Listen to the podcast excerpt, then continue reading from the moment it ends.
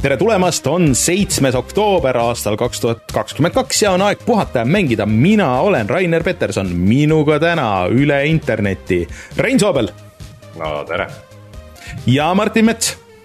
tere äh, meil on täna tulemas väga põnev saade, me ei ole ammu saanud jälle lahata ühtegi Eesti mängufirma draamat, nii et äh, siin oleme valmis siis äh, tegema, Martin on teinud niisugust äh, uurivat ajakirjandust ja meil on äh, üht koma teist äh, selle kohta arvata ma arvan, et see draama tegelikult ei ole hea sõna, kui sa ütled selles mõttes, et äh, no jah. see mingi, mingi asja, mingi draama, see kõlab nagu selline veits nagu tühjalt kohalt üles võetud asi ja, ja siis on suur kisa selle üle ja ei saa aru, et mis seal nüüd täpselt valesti oli, mis seal täpselt õigesti on. praegu on ikkagi selge see, et mingid asjad on olnud väga konkreetselt halvasti mis on väga kurb, ju tegelikult me, me, meile meeldib teha Eesti mängude ajakirjandust, aga me ju loodaks, et me saaks rääkida ainult häid asju.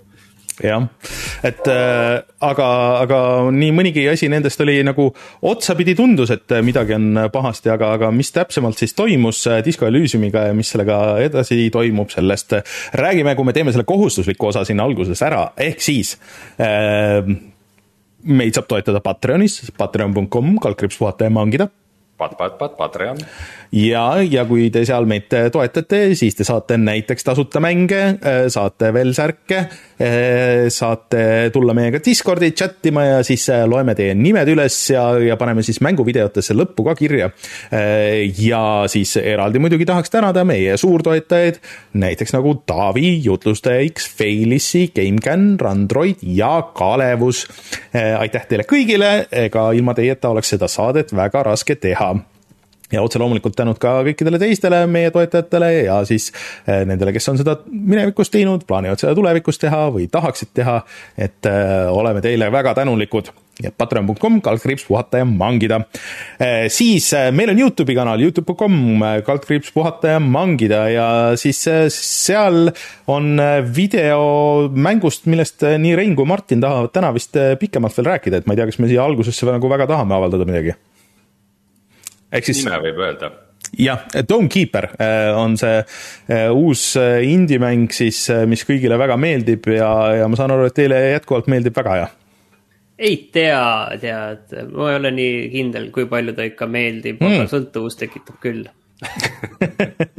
mina olen seda nädala jooksul väga palju mänginud ja nüüd ma ületasin vist selle küüru, et et, et nagu põhiasjad on seal nüüd nagu tehtud, aga natuke mängime ikka veel ühesõnaga, kui te tahate teada, millest jutt käib, siis äh, pange saade pausi peale, minge vaadake ära meie Youtube'i kanalilt see Disco, Disco äh,, Domekeeperi video ja siis äh, tulge tagasi ja siis te teate, millest jutt käib aga. kaitse on, on mängužanr jah, ja sellest Martin ja Rein siis räägivad pärastpoole natuke veel aga Martin, mis meil siis teised teemad on? Ähm, rohkem äh, teemasid tundub, et peale Disco Elysiumi nagu ei olegi, aga kindlasti ma tahaks kuulda seda, mida Rein arvab Overwatch kahest, mida ta jõudis natukene mängida. ja tegelikult on teisi teemasid veel, et ju CD Projekt Red andis teada, et neil on tulemas mitu Witcherit ja CyberPunki järg ja PlayStation viis tegelikult murti lahti ka väidetavalt, et mis sellest kõigest arvata ja tegelikult on mingeid muid teemasid ka veel, mis kohe mulle pähe ei tule. uus Need for Speed on tulemas Stadia on juba meelest läinud. see oli juba nädal tagasi, nii et. ma nägin, et Rainer oli pannud meile sinna Stadia alla järjest viis linki ja ma natukene ka hirmuga mõtlen, et mis ta kõik kavatseb sellest rääkida. tegelikult on vist mõistlikum. nekroloogid, vanad, vanad klassikaaslased ütlevad, et ta oli ikka, käisime koos korvpallitrennis ja ikka ka oli teistest peajagu üle ja. võib-olla on ikka selliseid, et eh, midagi oli ikkagi algusest peale valesti, päris ja, terve pigem, see asi ei tundunud. pigem need artiklid olid, kõik olid sellised ja et üks ikka, ikka ilge jobu oli, et eh, noh, eks ta on nüüd läinud, sellest tuli palju probleeme, aga eks ta ikka põhjustas ka palju probleeme. aga paar asja lihtsalt, mida ma tahtsin staadiaga seoses, et kuna see tuli eile või eile, eelmine nädal täpselt sellel ajal, kui me saadet lindistasime, siis äh, noh, mis on nagu avanud natuke neid tagamaid ja neid tagajärgi ja, ja paari sõnaga tahaks, tahaks nagu mõnest asjast rääkida, mis tundusid huvitavad. aga tuleme siis kohe tagasi ja räägime uudistest.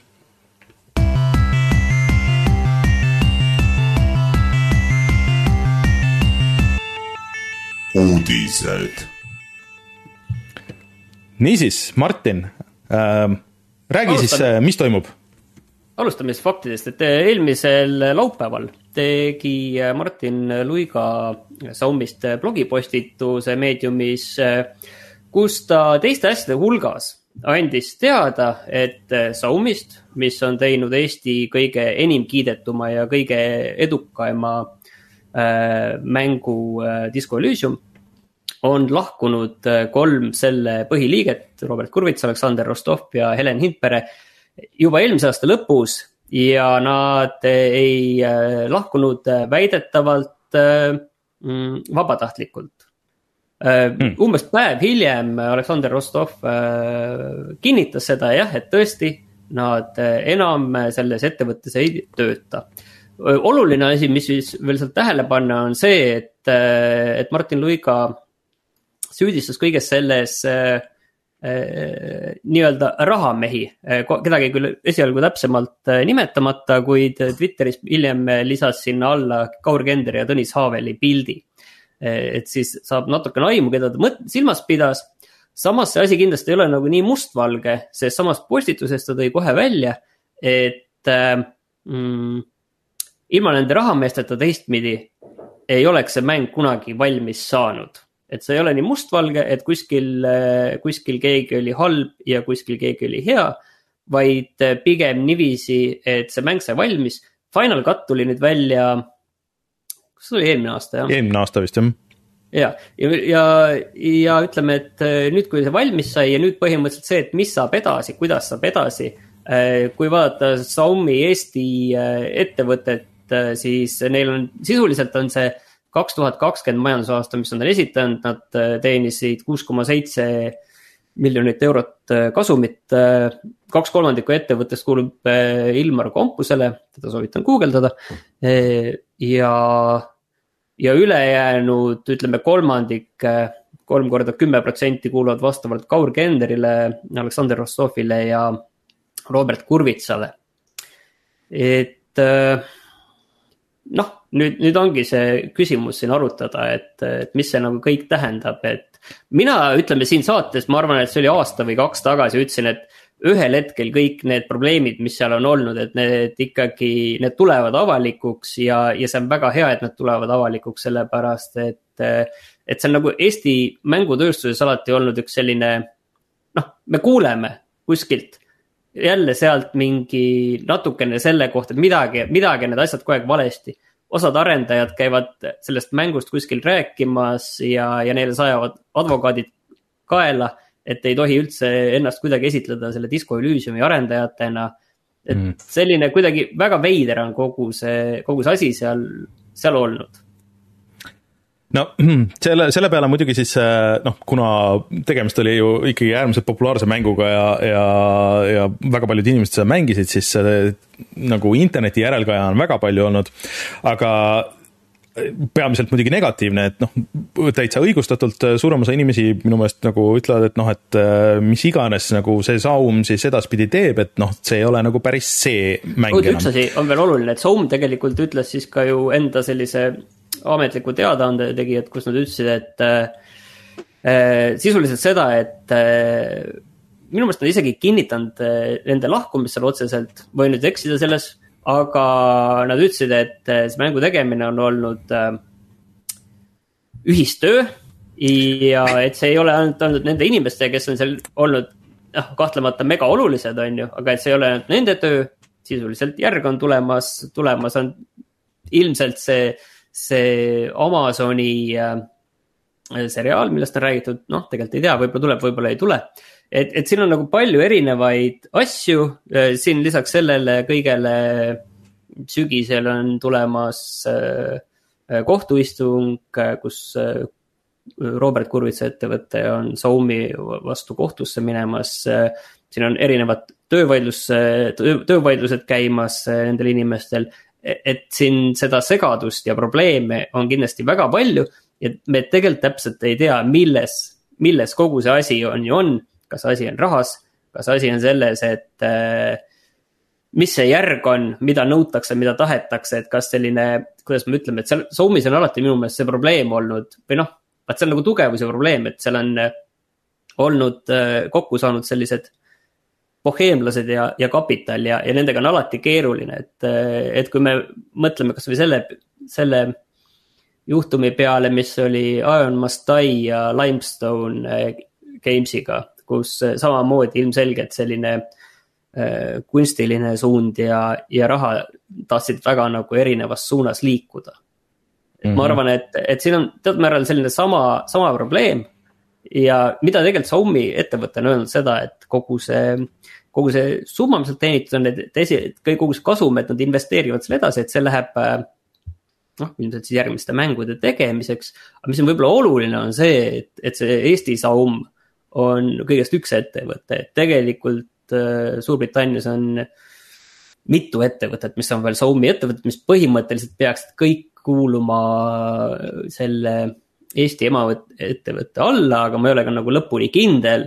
Et kunagi ei tea, mille alt seal mingit asja tehakse, et mm, -hmm. et mhm. seal seda segadust on esialgu veel ikkagi, ikkagi väga palju aga kas tegu on sinu arvates rohkem nagu mingi maksude optimiseerimisega või, või lõhnab see asi veidi sedamoodi, et et äh, kirjutati mingisugused lepingud Eesti kunstiinimestega alla ja pärast üritati kuidagi nagu sahkerdada läbi mitme ettevõtte nagu tulusid varjata ja teha sihukest Hollywoodi raamatupidamist ma ei, seda ma ei oska nagu, tead, ma võin igasugu asju arvata, aga, aga ma, ma, ma nagu siin praegu sellega nagu kaasa no, ei läheks ega.... Martin Luiga igatahes vihjas sellele, et äh, Robert Kurvits igatahes äh, jäi nende oma noh, sest et see on ikkagi nagu tema maailm, et tema on nagu nende ähm, rahalistest äh, õigustest on nüüd ilma, et tal on küll see Euroopa Liidu äh, seaduste põhine autoriõigus, äh, mis on võõrandamatu, eks ole, siin, aga et tema enam rahalist hüvangut sellest ei saa. ehk siis, et see vihjab nagu natuke sellele, mis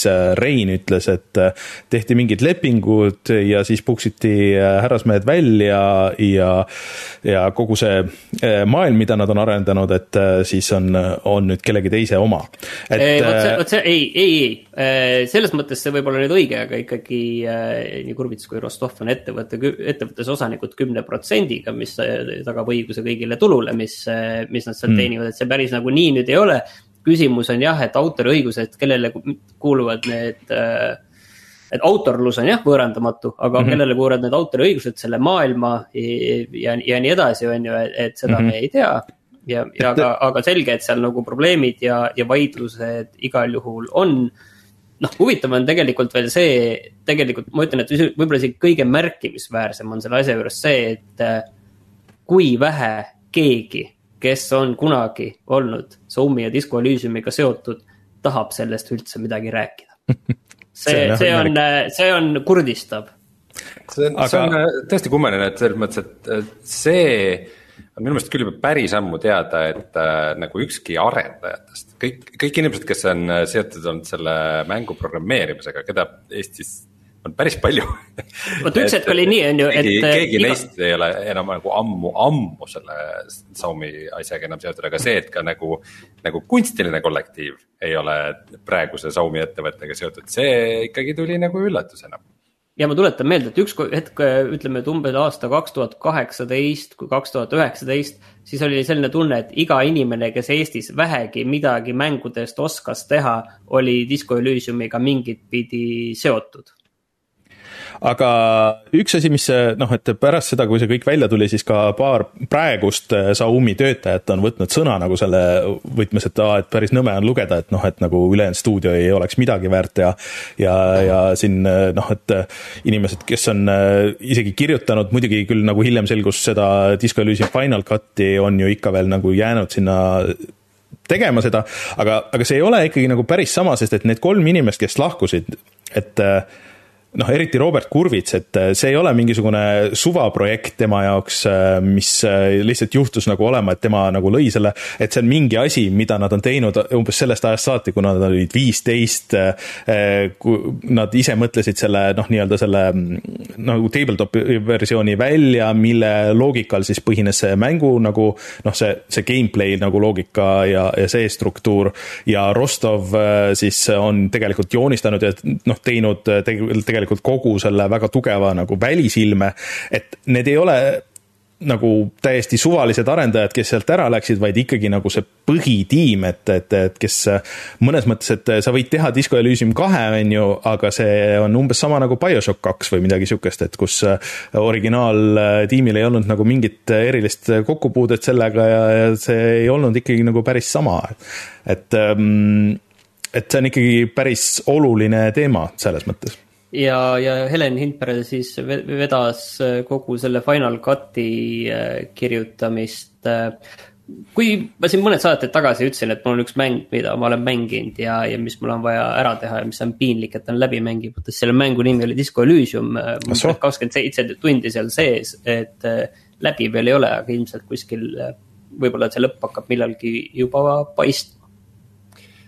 aga noh, jah see on selles mõttes ikkagi nagu oluline, et noh, üks asi on nagu sihuke nagu musta pesu avalik pesemine, aga, aga see on oluline nagu esiteks selles mõttes, et. et noh, kui, kui sa oled nagu Disco Elysiumi fänn ja ootad nagu nende järgmist projekti. et siis see on nagu oluline teada et, et kaheksakümmend protsenti sellest, sellest tiimist, kes seda esimest tegi.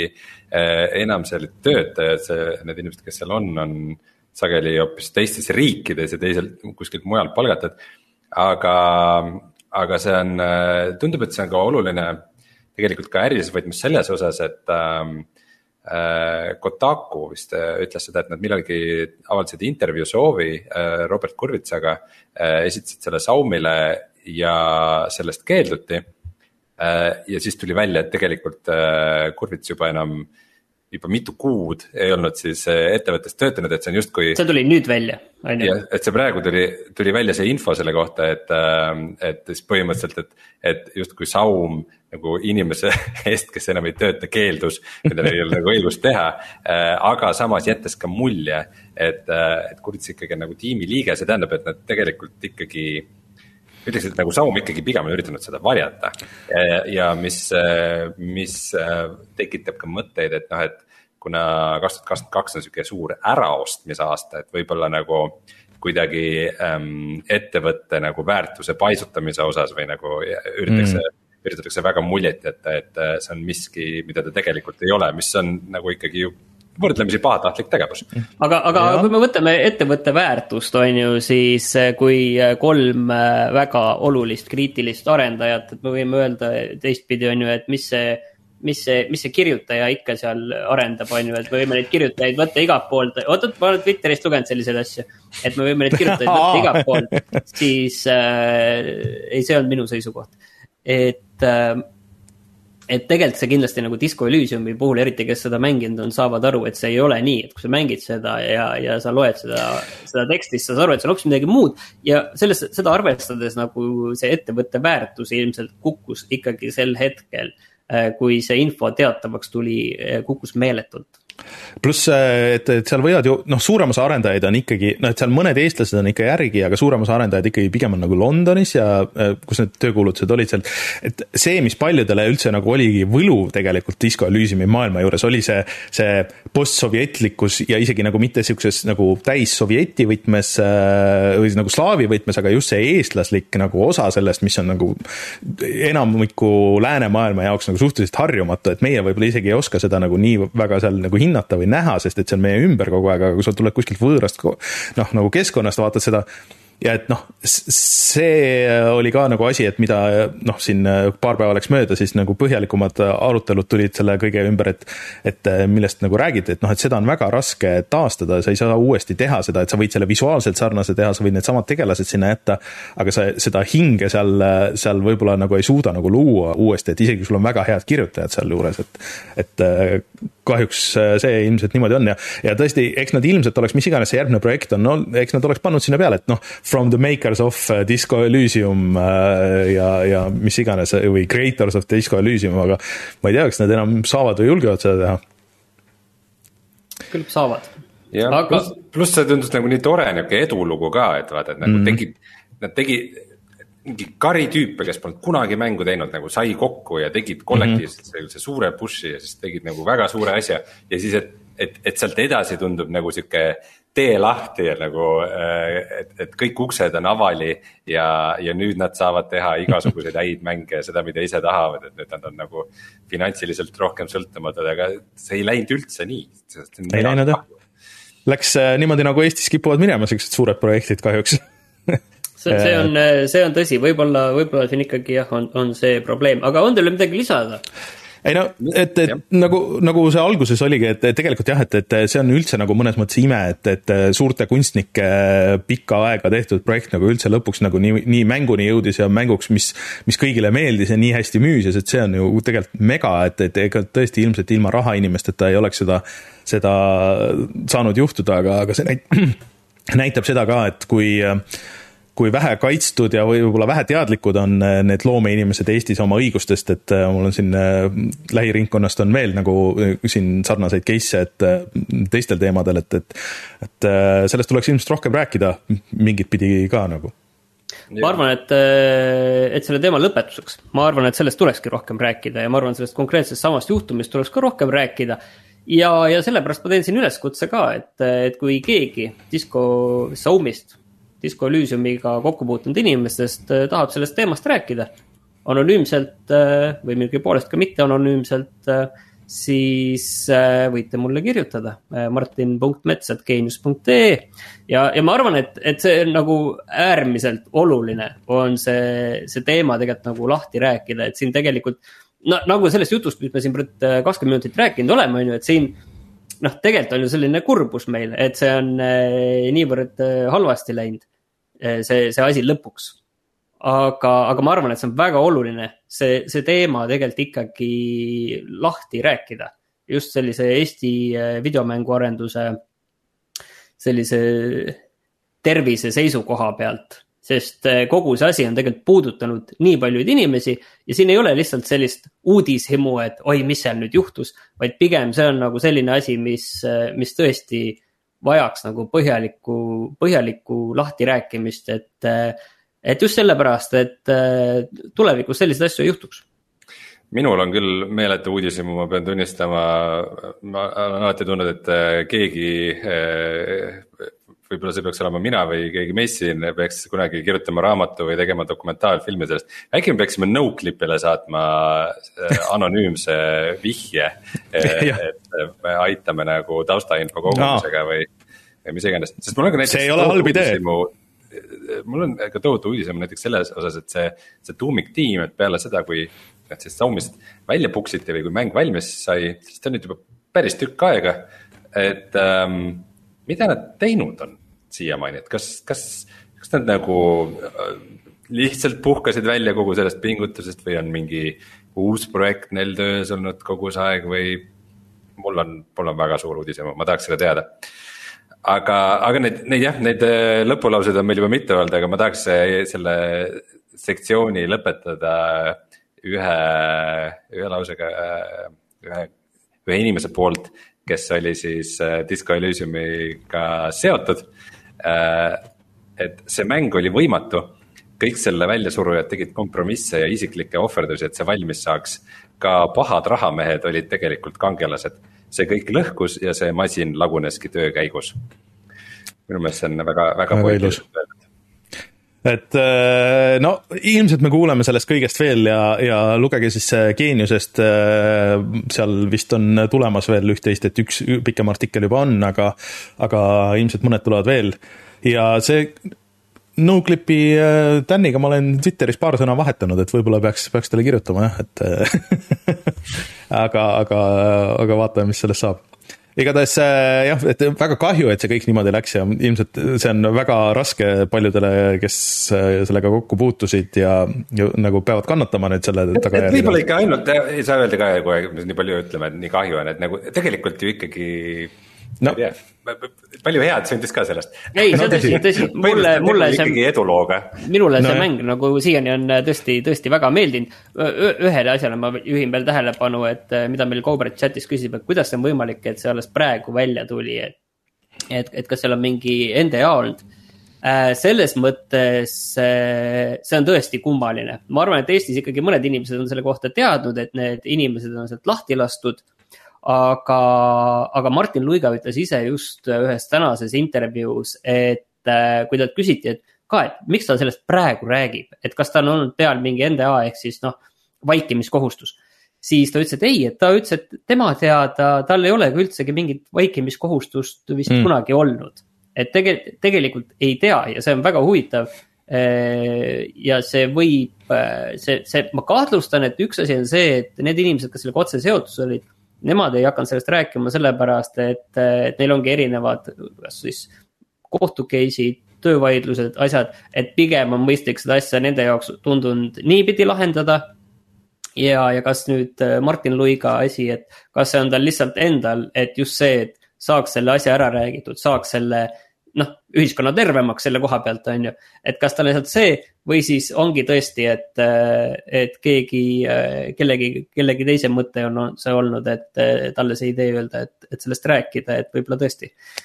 No, või kui ju... keegi oleks tahtnud kuskil siin näiteks praegu osta, siis, siis väga ei tahaks, aga jah et äh, see, ta ju pani sinna esimese selle meediumi posti alla, et, et, et see on postitatud vist Paldiski maanteelt äh, ja et see vist äh, niimoodi on ka, et, et, et see ei ole mõjunud hästi vaimsele tervisele olgu, aga, aga, aga liigume jah. nüüd edasi, et, et ma arvan, et jah, tõesti, me jõuame sellest veel rääkida. pikalt ei ole rääkida sellest, et CD Projekt Red kuulutas välja kolm The Witcheri mängu ja küberpunk kaks null seitsme seitsme järje, sest tõsi küll, nad ei maininud selle CyberPunki, nagu õigeks öelda mitmikmängu, mis pidi ka kunagi millegagi tegema, see on vist kuskile ära kadunud nüüd. aga, aga selles mõttes, et me ei tea nende kohta eriti nagu rohkem mitte midagi no mina lihtsalt ütleks seda, et see on ikka minus tekitab nagu natuke õudu, et äh, väidetavalt siis see Witcheri järgmine triloogia äh, saab äh, olema ähm, või, siis, et iga, iga mäng saab olema siis niisugune pikk RPG, üks vist on nagu selle Siiri ümber ja, ja ma ei tea, kuidas need teised seal on ja et, et kõik need kolm mängu ilmuvad kuue aasta jooksul sellest siis, kui esimene tuleb. Ma ei tea, ma ütleks, et see on väga-väga optimistlik. vaata, Rainer, ma arvan. mida on nii palju kordi öeldud eh, mänguajaloos, see on nagu Half-Life kolm tuleb pool aastat. ei, ei vaata, ma arvan, ma arvan, et, et see on lihtsalt vale saade, kus me tegelikult seda asja üldse lahkame, neil üks uus IP, täiesti uus mäng on ka tulemas, vähemalt plaanis on ju. aga lihtsalt, et, et sellist asja peaks mõnes investeerimissaates lahkama, et see sõnum on ilmselgelt nagu investoritele aktsionäridele suunatud, et näete, meil on roadmap, meil on palju neid nimesid, mida te võib-olla juba teate, mille pärast te selle aktsia ostsite. nii et, et ma arvan, et pigem on lihtsalt... tegelikult see asi kõik lihtsalt siin minu meelest see küberpungi asi nagu isegi on äh, seal huvitav, sest et äh, kui see mäng välja tuli ja neil oli nii palju probleeme siis äh, CyberPunk kahe tuhande seitsmekümne seitsmega, siis nad ütlesid reaalselt, et okei okay,, et hetkel me siis see oli juba pärast seda, kui need kõige hullemad lained on olnud, olid ära, et, et me teeme selle lõpuni ja siis meil on praeguseks on äh, küberpungiga on ühel pool, et meil ei ole plaanis sellele ei teha järgesid ega DLC-sid, et see jääb niimoodi, nagu ta on. aga kuna nüüd see anime võeti väga hästi vastu ja selle läbi selle anime vist siis äh, pole nagu üheaegselt vähemalt arvutil nagu küberpunki nii palju korraga mängitud äh, isegi Witcherit pole kunagi nii palju yeah. mängitud kui praegu küberpunki. Et siis ma saan aru, et jutud muutusid. Aga selles mõttes, et ega nagu ühtegi nagu nendest mängudest ei tasu oodata enne mingi aastat kaks tuhat kakskümmend viis või kakskümmend kuus kõige varem, ma kahtlustan, et et äh, niipea ei näe, et, et see, et nad kolivad oma, oma mootori pealt ära Unreali peale, see no, ei. see, see tähendab seda, et nad hakkavad poole aastaga lihtsalt välja tuututama neid. aa, okei, okei, seal on ju kohe. aa, selles mõttes, et Rein teab ju, et kuidas Unrealis käivad asjad. sa saad ai genereerida aa, kõik ja. aa, make, make good game. Make uh, good game button ja selle peale tegelikult nende CEO ju ka tegelikult astus astus tegelikult äh, tagasi ja noh, et ta vist tahab mingisugust teist rolli küll nagu seal, aga aga see väga jäi nagu sihuke mulje, et okei okay,, mina ei vastuta selle jama eest siin nagu, et, et see on keegi teine, kes on siin ja kirjutab neid äh, kollasel taustal neid vabanduskirju. no et, tead, ma arvan, et äh, see on, see on ka tegelikult pigem sõnum investoritele, selle juhivahetus ja nii edasi, et, et ma ütlen, et me reageerime sellele asjale siin üle, et siis, kui see mingi esimene uus asi nagu päriselt kuskil nagu tulemas on, et räägime sellest asjast nagu siis ja Rainer tahtis nüüd ette lugeda Google Stadia nekroloogid, et neid oli vist no. viis-kuus tükki, et, et. lihtsalt äh, põhiasi, mis oli seal see, et äh, okei okay,, et need, et noh kuna need kõik asjad elavad pilves ja kui sa oled ostnud need mängud, et Google küll maksab sulle selle mängu raha tagasi ja tegelikult nad maksavad vist ka sul, kui sa oled ostnud selle puldi, nad maksavad ka puldi raha tagasi, sa isegi vist ei pea hakkama nad nagu tagasi saatma neid. Äh, sa vist äh, saad lihtsalt nagu mm, oma mingi kuuskümmend või seitsekümmend eurot saad tagasi. aga mis saab nagu sellest mängu sisust, et kui sa oled mänginud, äh, seal oli näiteks Hitman kolm ja seal oli, keegi oli mänginud kaks tuhat äh, tundi Red Dead Redemptionit, on ju, et, et et mis siis sellest, äh, või noh, jah, seda enam, on ju, et, et mis siis sellest, nendest save idest saab ja ja no vähemalt Ubisoft ja siis äh, CD Projekt Red ütlesid, et okei okay,, et nad äh, hakkavad uurima, et äkki ikka enne jaanuari õnnestub kuidagi nagu need salvestused sealt tagasi saada mina arvan, et äh, seda ei peaks tegema, ma arvan, et see on äh, hea teema, millele me nüüd püstitasime ja mina, mina olen seisukohal, et Nii. Äh, mäng on oma olemuselt meelelahutus. ja see on väga oluline sõnum kõikidele inimestele, kes mänge mängivad, et, et nautige seda aega, mida te mängudega veedate ärge, ärge tekitage omale illusioone, et teete mingit tööd või et te nagu mm -hmm Äh, töötate mingi suurema eesmärgi nimel või see annab teile mingit väärtust, mis jääb alles või. see on kõik illusioon ja sellele, sellele ongi ehitatud kõik see NFT-de ja kõik see metaversum ja see gamma ja. see on, see on kõik mõttetus, äh, mängud ongi ainult see, see emotsioon, mis sa sealt saad, see lõbu, mis sa sealt saad. ja see, et sa oma progressist äh, aastaid hiljem ilma jääd, see on täiesti tähtsusetu see on väga huvitav point, Rein, ma ei olegi niimoodi mõelnud selle peale, aga sul on täiesti õigus tegelikult, et äh, aga noh te,, teine case nagu muidugi on üldse nagu see, et et äh, kuskil on siis äh, olemas see müütiline mängija ka, et, et aga kuhu ma siis nagu selle oma mängu edasi viin nagu üldse, et ma ju mängisin ainult staadiaga, et kui sa oled huvitatud nii vale valik mäng... oli sul no, see on see, et vale valik oli sul. aga kes on nii huvitatud mängudest, et sa tahad panna sadu tunde mingi mängu alla just, ja sa oled nagu nii kursis, et sa tead, mis asi on Stadia ja sa ei ole nõus mängi-, maksma see mingi paarsada euri, et osta kas vist siis tänapäeval kas või Steam Decki või Switchi või, või midagi sihukest, et, et kus siis nagu edasi mängida seda, et see on huvitav. aga siis äh, saime teada, et Kojima, kes muideks äh, siin tiisib ja õrritab mingite screenshot idega, et on midagi valmis midagi vist varsti välja kuulutama, aga tuli välja, et et äh, ta tahtis teha tegelikult mingit pilvepõhist Stadia eksklusiivjärge Death Strandingule, aga nad vist hakkasid seda tegema ja siis Google ise ütles, et aa ei, ei, et see on ikka ilmselt vist liiga esoteeriline, et, et seda seal Google'i platvormil äh, näidata. Äh, ja mis nagu kurvem oli see, et päris mitu indie-arendajat, noh, siuksed, siuksed paari inimese tiimid, et nagu ma eelmine nädal spekuleerisin, et ilmselt siis nii äh, Stadia töötajad kui siis äh, kõige viimasena ilmselt need mänguarendajad said ilmselt samal ajal teada kui meie eelmine nädal, et äh, seda ei tule, ehk siis, et mitu sihukest indie arendajat, kes olid kuude kaupa tööd pannud selle Stadia versiooni alla ja siis pidid tulema novembris ja siin jaanuaris välja need versioonid selle peale, siis noh, kirjutasid korstnasse kogu selle aja. mis tegelikult on huvitav, sest et vaata siis, kui Stadia välja kuulutati üldse siis äh, see põhijutt ja põhi nagu müügiargument oli see, et aa, et ei pea üldse midagi tegema, et et kui te teete mingi Linuxi versiooni ja isegi vist nagu ei pea seda konkreetset Linuxi versiooni olema, et teil on see build nagu enam-vähem olemas, et väga minimaalne effort on, et, et sellesse staadiasse konvertida seda. et see oli selles suures Phil Harrisoni väljakuulutamises, et see, aa, see on nii easy ja, ja siis, kui sa tahad nagu rohkem neid feature eid kasutada, et noh, siis, aga need feature'id kunagi ei tulnud välja siis, aga, aga igalt poolt äh, intekatest on välja tulnud, et äh, noh, näiteks Resident Evil'i konvertimine, et see ei olnud üldse lihtne. Äh, et sellest on ka nagu kahju, et inimeste töö siis läks niimoodi hukka ja seda raha nagu tagasi ei saa kuidagi. muide, Eesti mänguarendajate Discordis ka üks Eestis paiknev mänguarendaja ütles, et ka tema sai vastu pükse sellega hmm.. et, et need lood ei ole ainult väljaspoolt Eestist jällegi.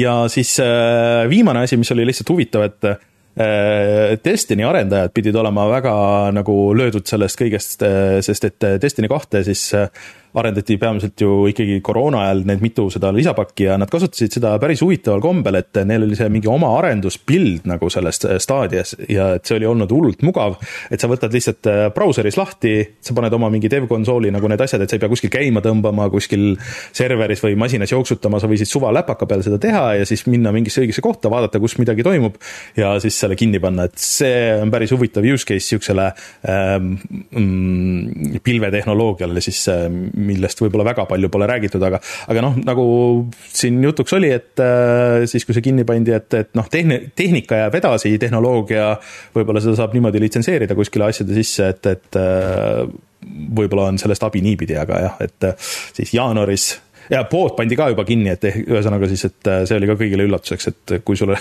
tahtsid veel midagi mängida enne jaanuari, siis sa enam ei saa aga tegelikult seda me ei tea ju, kas äh, arendajad äh, said, ütleme, et vaata inimestele kanti raha mm -hmm. tagasi, kas arendajad said ka huvitav mingit hüvitist, äh, seda me tegelikult ei tea ju. päris huvitav küsimus jah, sellest ei ole nagu näinud, et juttu oleks ja siis äh, praegu käib ka liikumine, et, äh, et mida teha selle Google Stadia puldiga, et kas seda saaks kuidagi nagu ähm, häkkida kasutamiskõlbulikuks äh, mingite teiste asjadega, et sa ei peaks seda prügikasti viskama või lihtsalt riiulisse panema või siis Google'ile tagasi saatma, et. aga no, ma ei tea, kas see kolmel inimesel tasub nüüd hakata tõmblema selle no pärast. ta on lihtsalt nagu huvitav, et, et ta nagu päris prügikasti ei läheks, aga, aga jah, et äh, jah et siuksed asjad siis pärast seda, aga see tõesti, et äh, klassikaline Google'i case ja et, et mida need pikemad artiklid on öelnud ka, et noh, et meie ka ju ei usaldanud seda algusest peale, et sa ostad, et sa pidid maksma esiteks kuumaksu ja siis ostma mängu sa ei tea kunagi, millal Google võib seda teha ja täpselt niimoodi läkski, nagu kõik kartsid, et läheb, et äh, üks päev lihtsalt see pannakse ühelt nagu heast kohast kinni ja siis sul seda mängu enam ei ole nagu, et. Äh, ei, ei, sul on ikkagi praegu ju, äh, mis on kaks kuud aega veel seda mängida ja, ja selle üle, sellega koos aega veeta, mis, millal see pidi kinni minema? jaanuar kaheksateistkümnest või midagi sellist. näed, vaata, neli kuud põhimõtteliselt saad veel nautida. muidugi, kui Google raha tagasi maksab, siis see on suht ilmselge, et pood pidi kinni minema, muidu on see, et oo, ma saaks ju nüüd kolm kuud kõik kõiki maailma mänge just, mängida just. ja pärast saan raha tagasi. mul pole isegi arvutit vaja aga jah siis äh, lihtsalt sihuke huvitav asi oli see, et äh, tegelikult täna, kui me seda saadet teeme, täna õhtul vist peaks Nintendo näitama siis oma Mario filmi treilerit, mille arendus vist on käinud ka üle kivide ja kändude, sest et seda tegelikult pidi tegema või teeb siis Illumination stuudio, mis on tuntud nende Minioni filmide poolest, fantastiliste ja tegelikult see pidi ju tulema välja originaalis sellel kevadel või midagi sihukest ja siis lükati edasi, väidetavalt Nintendo ei olnud üldse rahul ja siis see kõik päädis sellega, et äh, Nintendo tegi hoopis oma animatsioonistuudio, mille nimi on Nintendo Pictures. Äh, ja see siis hakkab äh, ise tegema Nintendo IP-del põhinevaid multifilme ja animatsioone, et ja ilmselt siis ka mängudesse vaheklippe, et vähemalt oli mingit kasu sellest Mario filmist, et mul ootused väga kõrgel ei ole pärast seda, kui ma sain teada, et see on see Minionite tiim seal taga kahjuks. ja. Chris Pratt on Mario mis on absurd. minu meelest on Youtube täis juba seda Nintendo filmi treilerit nagu juba ammu on, iga veidikese aja tagant jälle mingisugune mm. uus, uus Photoshop ütleb mulle, et see on nüüd see õige treiler. ja, jah äh,. mida, mida te ootate tänasest äh, mulle üks kirjeldus meeldis, kus oli täpselt nagu noh, vaatame, kas see läheb niimoodi, et, et kuidas, kuidas see üks Illuminationi Chris Prattiga Mario film võiks välja näha või mis seal võiks toimuda. mis sa arvad, kui palju referentse seal on sellele üheksakümmend üks aasta filmile? Äh, ma arvan, et vähemalt üks sihuke, et vaadatakse otse kaamerasse, et jaa, sina lapsevanem, kes sa oled näinud seda, me teame. Äh, Dennis Hopper näiteks, Dennis Hopperi näoga on üks kumba. Äh, aga Playstation viis, Martin, sul on seal kuskil taustal, mis sa arvad, et kui murraks lahti selle hoopis? ma saan aru, et seda tehti, äh, pandi äh, demo pandi käima selle peal, et äh, ma tahaksin nüüd sinu käest küsida, et mis see nagu tähendab, et vanasti oli ikka niiviisi, et noh, tead, murti lahti, tähendas surma praktiliselt, mõtleme no, VSP peale. hetkel see murti ainult nii palju lahti, et sul on vaja konkreetset süsteemi versiooni, see oli neli punkt kaksteist või midagi, ei, neli punkt null kolm, ehk mis on siis päris vana ja sa ei saa küll signeerimata koodi, ehk siis nii-öelda back-up'e seal jooksutada, aga sa saad vist rippida plaate ja siis kirjutada neid ketast või noh, siis USB peale midagi sihukest, et sellest hetkel nagu ütleme niimoodi, niisugust praktilist kasu liiga palju ei ole, aga algus on tehtud ja tavaliselt, äh, kui nagu see esimene lahtimukkimine toimub, siis äh, saab sinna juba oluliselt äh, täpsemalt sisse vaadata ja, ja kuidas see kõik nagu toimub ja, ja mis selle kõigega seal teha saab, nii et ilmselt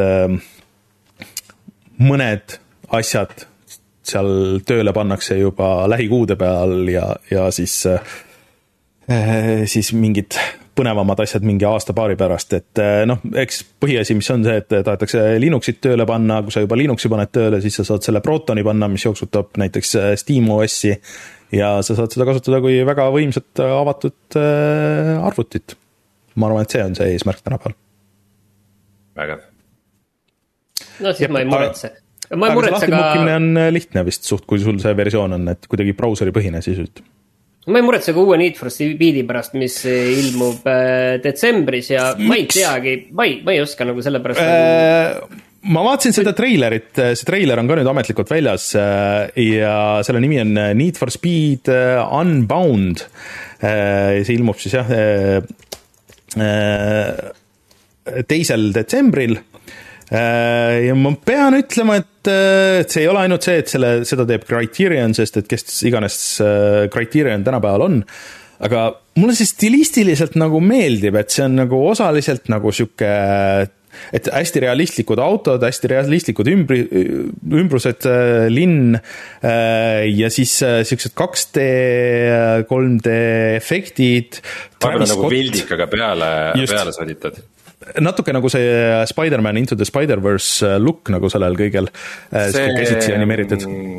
League of Legendsi multikas Arcanum, Arcane vabandust, äh, tegi mitte... ka midagi sarnast jah, et vabandust, mitte Travis Scott, aga A$AP Rocki siis. kes siis A$AP Rockit ei tea? no ma, ma tean tegelikult, ta on päris tuntud räppar ikka väga pikka aega tegutsenud tegelikult juba. aga Twitteris oled rääkinud? Temaga ei ole, ma olen äh, A$AP Rockiga äh, või ühesõnaga. okei, okei, ma ei taha aga, aga aga selles mõttes, et mulle tegelikult meeldib sihuke natuke värskendust sellesse Need for Speedi seeriasse. Eh, rohkem sihukest arkaadi, ma saan aru, et võib-olla viiakse tagasi natuke sinna fänni lemmikusse Need for Speed Underground seeria siis midagi sihukest, et. no Unbound ja Underground kõlavad väga sarnaselt ka muidugi et, et vähemalt see ei ole niisugune tavaline noh, nagu noh, sõidad siis autodega ja siis mingid täiesti suvalised juustused tüübid äh, räägivad sulle äh, perekonna tähtsusest ja, ja et kuidas me kõik peame sõitma hästi kiiresti, et tunda ennast perekonnana, et et see tundus nagu, tundus nagu huvitavam kui need nii mõnigi teine automäng viimasel ajal tahaks anda sellele nagu võimaluse, et, et sealt mm -hmm. tuleb nagu midagi värsket, aga nagu Need for Speed'ide track record ikka viimase kümne aasta jooksul on nii kehv, et. Äh, no mulle tundub, et see kõige suurem probleem seal on EA ise nagu, kes ei julge nagu minna all in nagu selle siukse hullusega, et, et jääb siukseks jälle siukseks poolikuks, aga noh, ärme anna hinnangut, enne kui see mäng väljas on. treiler muidugi oli ka nii ikka, et nagu, et mingites kaadrites mm -hmm. oli nagu, oo kui lahe ja mingis kohas, see on kõige hullem asi üldse, need, need, nagu see multikalikud tegelased ja tal on siis kuidagi eriti cheapo sihuke. no, no ühesõnaga ma tahaks näha nagu noh, see oli nagu treiler, et ma tahaks näha nagu päriselt gameplay'd, et kuidas äh, mingi kaks-kolm missiooni selles mängus välja näevad ja kas see on avatud maailm või ei ole avatud maailm, mulle nagu meeldiks, kui ta oleks nagu vähem avatud maailm, et oleks lihtsalt konkreetsed track'id nagu, aga, aga see on võib-olla minu sihuke äh, isiklik kiiks. aga teisel äh, detsembril on see tulemas, nii et äh, pange roolid valmis, ilmselt rooliga ei ole midagi teha selles mõttes nii, aga äh, räägime siis korra remaster itest, et äh, äh, kohe siin on ilmumas tegelikult äh, see äh, Uncharted'i äh, remaster siis PC peale või PC versioon pigem äh,. aga siis lekkis ka, et äh, Horizon Zero Dawn mäng, mis on ähm, vähem kui viis aastat vana. saab siis uus versiooni ilmselt suure tõenäosusega Playstation viie peale ja see on juba väljas tegelikult PC peale, seda on nüüd kõvasti upgrade itud, seal on mitu niisugust suuremat uuendust tulnud, et see pidi päris okei okay olema. kas seda on vaja? ei no ta võib olemas olla ikka, aga kui ta maksab kaheksakümmend eurot, siis ma ei tea, miks keegi seda ostma peaks, aga see mm,. ma ei tea. kas, kas on äkki võimalik, et tegu on jälle nagu halva kommunikatsiooni või kehva sõnavalikuga, et see on põhimõtteliselt nagu mingi PS5 patch, mida. see on, see vist on juba väljas justkui minu meelest äh,. aga ma ei ole muidugi sada prossa kindel äh,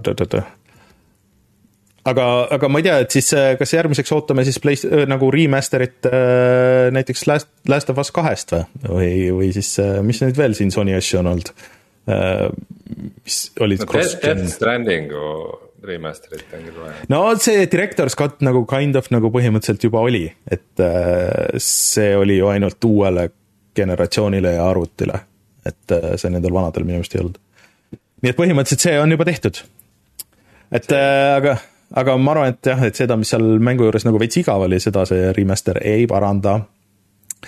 nii, aga ja lõpuks sihuke huvitav asi lihtsalt mängust, mille peale tükk aega ei ole mõelnud, et äh, Beyond Good and Evil kaks, mis kuulutati välja väga ammu, äh, ma arvan, et siin kuskil varsti on retros tulemas ka äh, see, see, see saade, kus, kus me räägime sellest, kui see välja kuulutatakse. aga aga seda ei ole siiamaani näinud peale paari treileri ja ei tea, millal see välja tuleb või kas see on üldse arenduses või kas see ei ole arenduses. Äh, aga nüüd on siis äh, olnud ähm, äh, viis tuhat kakssada kolmkümmend neli päeva sellest või noh, nüüd siis juba mõned päevad rohkem, kui see välja kuulutati ja sellega see on purustanud rekordi, mida siiani hoidis Duke Nukem Forever ja siis ma läksin selle peale, vaatasin neid vanu treilereid ja see oli lihtsalt huvitav, et kui see nagu välja kuulutati, siis see tundus mega vau, et kas tõesti mängud võivad siuksed olla, väga huvitav kõik. Ja siis vaatad nüüd, no ei tea, see gameplay osa tundub ikka väga puine, väga sihuke Ubisoft ja äh, aga, aga see ilmselt Krat... ikkagi ühel hetkel tuleb välja, on ju, ilmselt on sinna piisavalt palju nagu investeeritud, et eh, täpselt samamoodi nagu Duke Nukem Foreverissegi investeeriti tohutult ja, palju, et lõpuks tuleb midagi lihtsalt sealt tagasi võtta. ma arvan, et kui see Ubisofti laevamäng valmis saab, siis see tiim hakkab sellega edasi töötama see Ubisoft Shanghai, kes lihtsalt sihuke saadetakse surema põhimõtteliselt. Skull and Bones jah, et äh, teavad, et niikuinii sealt midagi head ei tule, las siis see Shanghai teeb vähemalt lõpuni ära, et siis me saame selle maha tõmmata sealt kuskilt. nii, Rein, sul oli üks äh, ametlik äh, teadaanne ka ja meie, meie pikaajaline kuulaja Kairi palus, palus edasi anda info, mis, mida ma ei teadnudki, et nimelt juba kohe kolmteist kuni viisteist oktoober. see on siis juba järgmine nädal, on ja. Tallinnas Kesk- ja Ida-Euroopa mängu-uurijate konverents, mida korraldab Tallinna Ülikool. nii et ähm, kui kellelgi just sihuke nagu rohkem akadeemiline huvi on mängude vastu, siis, siis see on kõigile avatud osavõtutasu on viiskümmend viis eurot ja õpilastele soodushind äh, nelikümmend eurot. ja Kairi ise esineb siis ka ettekandega seal, sealsamas mm. konverentsil, nii et äh, kellel on huvi, siis otsige Tallinna Kesk- ja Ida-Euroopa mängu-uurijate konverentsi. Hmm.. Uh, CEEGS on see. CX, CX, jah nagu Central Aga, and Eastern European Game Studies Conference. vaatame siis korra, millest me rääkisime kümme aastat tagasi ja siis räägime mängudest. retro. retro. ja keegi ei ole mulle saatnud, kusjuures ma ei ole muidugi posti teinud, aga ma siin kutsusin üles inimesi saatma eh,. kuidas te ütlete, retro eh,, aga, aga ei ole tulnud veel keegi. igatahes, mis jutud siis olid kümme aastat tagasi? No Guild Wars kaks oli, ma ütlen ise, mul oli. jah. aa, Martin Aedma oli meil külas, teda pole yeah. ammu, ammu näinud ähm,. ma arvan, et äh, kümme aastat tagasi oli siis ka, olime kohe-kohe äh, väga olulise verstaposti juures. nimelt äh, Rein on mänginud X-kom Enemy Unknown'i mis tähendab, et varsti-varsti tekib Reinule. demo, demo teha video sellest äh,.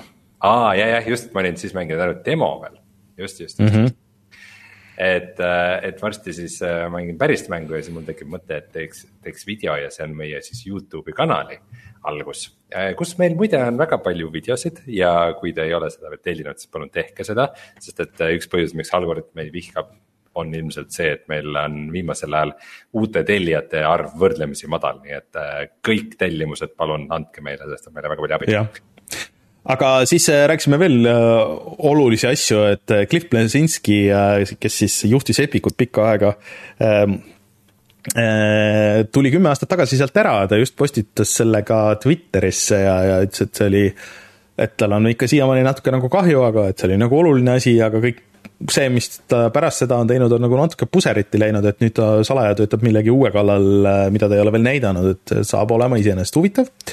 ja siis mina mängisin Borderlands kahte, et see oli sihuke huvitav kogemus, et mulle see üldse ei meeldinud nii palju kui Borderlands üks, kuigi kõik, kes tänapäeval mängivad, ütlevad, et noh, see üks ikka ei ole nagu üldse hästi vastu pidanud, et kaks pigem on see, kuhu minna ja siis ma olin mänginud ka Tokyo Jungle'it, mis on tõesti mäng, kui räägime millestki, millest võiks tulla remaster, siis see on Tokyo Jungle. Äh, Rein, see peaks olema midagi sulle, et see on tegelikult rogu-like mäng, kus sa alustad äh, väikese niisuguse pomeraanlasega äh, ja siis oled niisuguses apokalüptilises Tokyos ja siis üritad põhimõtteliselt seal ellu jääda, kui sa piisavalt kaua ellu jääd, siis siis sa saad, ma ei mäleta, kuidas see täpselt seal käis, et sa saad nagu Äh, järjest äh, nagu võimsamaks loomaks, kuni sa lõpuks vist saad olla kuni seal, ma ei tea, Tyrannosaurus Rex ja mingisugused siuksed asjad, et, et sa avad neid erinevaid loomi, kellena sa saad siis alustada, et et äh, kas on lihasööjad või, või taimetoitlased loomad ja siis seal on oma pätid nagu seal peal. Okei okay,, me kõik teame, et Rainerile meeldib Doc Jungle, aga minu meelest on huvitav nagu just näiteks kümne aasta perspektiiviga vaadata mingeid uudiseid et mm -hmm. Cliff Blasinski lahkus Epicust ja see on küll väga tore nagu vaadata niimoodi kümme aastat hiljem. et äh, ühel neist on läinud väga halvasti ja teisel on läinud väga hästi ilmselgelt nagu Epic võitis sellest ja, ja Cliffi B äh, ilmselt mitte nii väga. samuti äh, John Romero tahtis teha tõsist rollikat ja see seda maffiamäng tuli nüüd mingi eelmine aasta välja, mis ei olnud väga, see Mafia X-kom põhimõtteliselt. see oli okei okay.. mäng ei, ei, ei, see ei olnud kindlasti see. mingi, mingi hoopis asi. ta vahepeal tegi, Yeah. ta, ta vahepeal tegi äh, päris palju igasuguseid mobiilimänge, tal oli mitu erinevat stuudiot, aga ta nüüd teeb ikkagi mingisugust äh, suuremat sihukest äh, ühesõnaga vahet pole, sellest ei saanud asja mm. -hmm. ja kuna mobiil oli kümme aastat tagasi just sihuke tärkav teema, äh, mis nagu kümme aastat hiljem öeldes kõik jah, mobiili ja nagu nutitelefonide nagu asjad ilmselt oleks olnud väga hea idee kümme aastat tagasi. aga kui tehti avalikuks Playstation Mobile, siis ma küll ei tea, et sellest midagi oleks saanud see pandi kinni äh,. äh aga tegelikult... siis mingi hetk tehti uuesti lahti ja siis nüüd hiljuti oli suur teema, et need arvutimängud vist olid mingi hetk, need Playstationi arvutimängude versioonid, kui ma nüüd ei eksi, vist Steamis on ka Playstation Mobile on nende mm, levitaja, ma võin nüüd eksida või oli see vahepeal niiviisi? aga kui. nagu kümne aasta perspektiivis on nagu hästi selgelt näha see ei ole thing nagu Playstation mobiilide peal ei ole nagu thing. no tuli aga... välja veel eraldi telefon tegelikult. jah, äh, ma just tahtsin jagada. jaa, täpselt, ma ei mäleta selle nime enam, aga. see, see oligi. me ei pea äh, rääkima nüüd kogu seda teekonda, aga lihtsalt nagu kümme aastat hiljem nagu yes or no, ilmselge ei. Ja, ja, Frostbite, Frostbite ilmub mobiilsetele seadmetele, kümme aastat sama hiljem. kas EA mängud on mobiili peal olulise presence'iga? On vist, eh, Fifad ja kõik need on ikka päris. ei, King on teisel, ma ajasin segamini. nojah. King on Activisioni all yeah.. aga ei ole Apex, Apex on ka ju tegelikult mobiilimäng ja nii edasi et on see seal suur hitt või? see vist on päris suur hitt ikka. Apex no, ei ole Frostbite'i mäng, see on Source'i mäng. seda küll, seda küll aga ma tegelikult tahtsin öelda lihtsalt, et see, see telefon neil oli ikkagi nagu oma ajast ees nagu selles mõttes, et puht füüsilise asjana ma just vaatasin üks Youtuber, kes äh, retromängudest teeb, just tegi tagasivaate sellele, et, äh, et see see puhtfüüsiliselt oli väga hea, lihtsalt see, see kasutajaliides ja, ja see, see vana Android või mis iganes seal peal jooksis, see Sonyl vist oli mingi oma asi veel kunagi. et see oli see, mis seda kõike tagasi hoidis, et, et see slaidiv ja need päris nupud ja seal noh, see on asi, milleni need minu meelest äh, mobiilimängud ei ole siiamaani jõudnud, et neid on ikkagi ebamugav mängida selle touchscreen'i peal, et sul on ikkagi nagu nuppe vaja, et, et. Äh, no mina olen seda kasutanud, et ega tegelikult äh, mul oli see mingi käes mingi tükk aega, et ega see nüüd nii hea asi nüüd ka ei olnud. PlayStation Go, PSP Go oli ka veel sarnase disainiga. okei okay,, me võime vist liikuda edasi ja. mängude juurde. meenutamise ja. jaoks jäägu pubilaud. See oligi retrosektsioon, Rein, see on legit jutt. aga tuleme siis kohe tagasi ja räägime sellest, mis me oleme sellel nädalal mänginud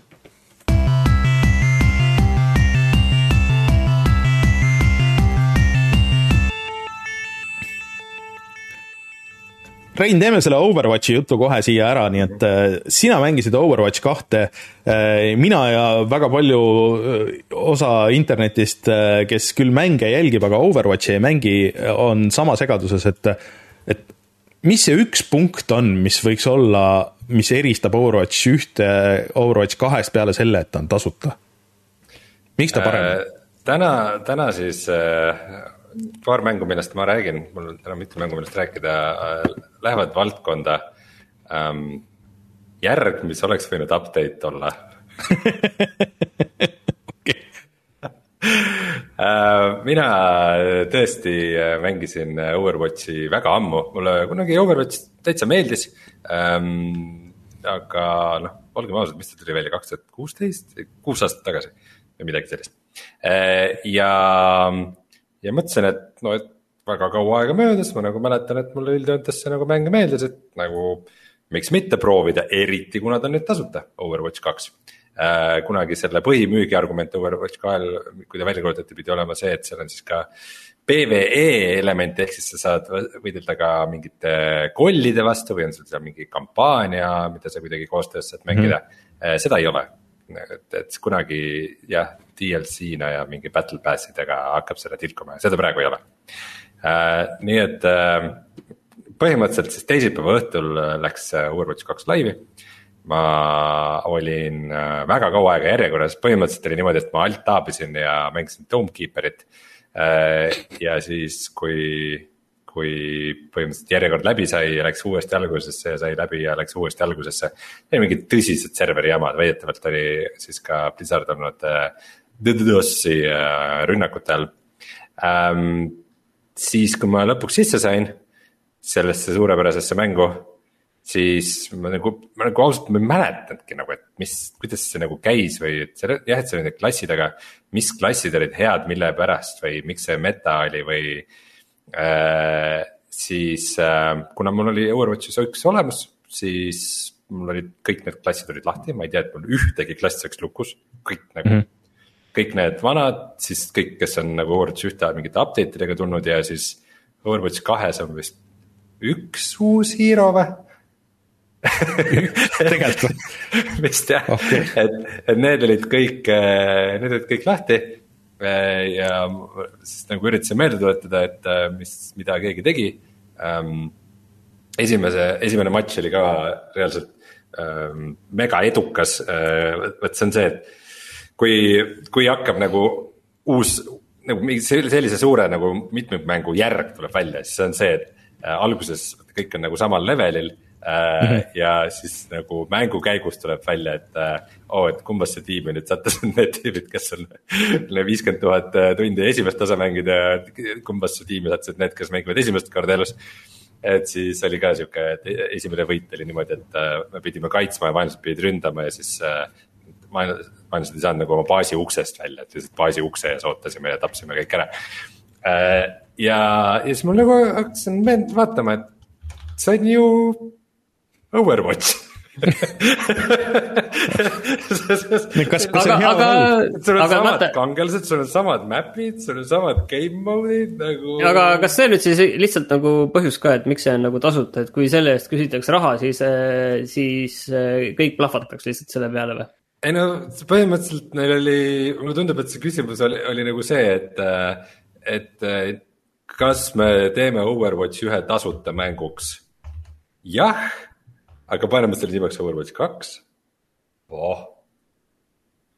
no CS GO läks ka vahepeal äh, tasuta vaata, et siis oleks võinud ka panna nimeks CSGO. seal tegelikult äh, CSGO puhul on muidugi see, et seal nii-öelda see Prime, äh, see on ikkagi, maksab sama hinda, kolmteist eurot on ju, mis põhimõtteliselt on selline, Prime on tegelikult oma olemuselt lihtsalt selline vertifitseerimissüsteem kokkuvõttes, et sa ei ole bot või häkker või lihtsalt debiilik. et ja see ei, ei ole nagu selles mõttes, et kui sa nüüd oled seal Prime'is, et see ei välista ühtegi seda, aga see lihtsalt vähendab seda võimalust no kindlasti aga..., kui sa oled seal skeenes rohkem sees, siis kindlasti neid muudatusi on nagu tohutuid, et see metagame on nagu muutunud, et uh, umbes, ma ei tea, hiljem nagu veidi uurisin, et mis, mis seal on uh, niimoodi pealiskaudselt, et uh, umbes, et mida ma ei teadnud näiteks või ei mäletanud, oli see, et enne oli Overwatch alati kuus versus kuus, nüüd on viis versus viis et see on nagu tegelikult päris suur muudatus kogu sellele nagu klasside ja tiimide kompositsioonile või näiteks, et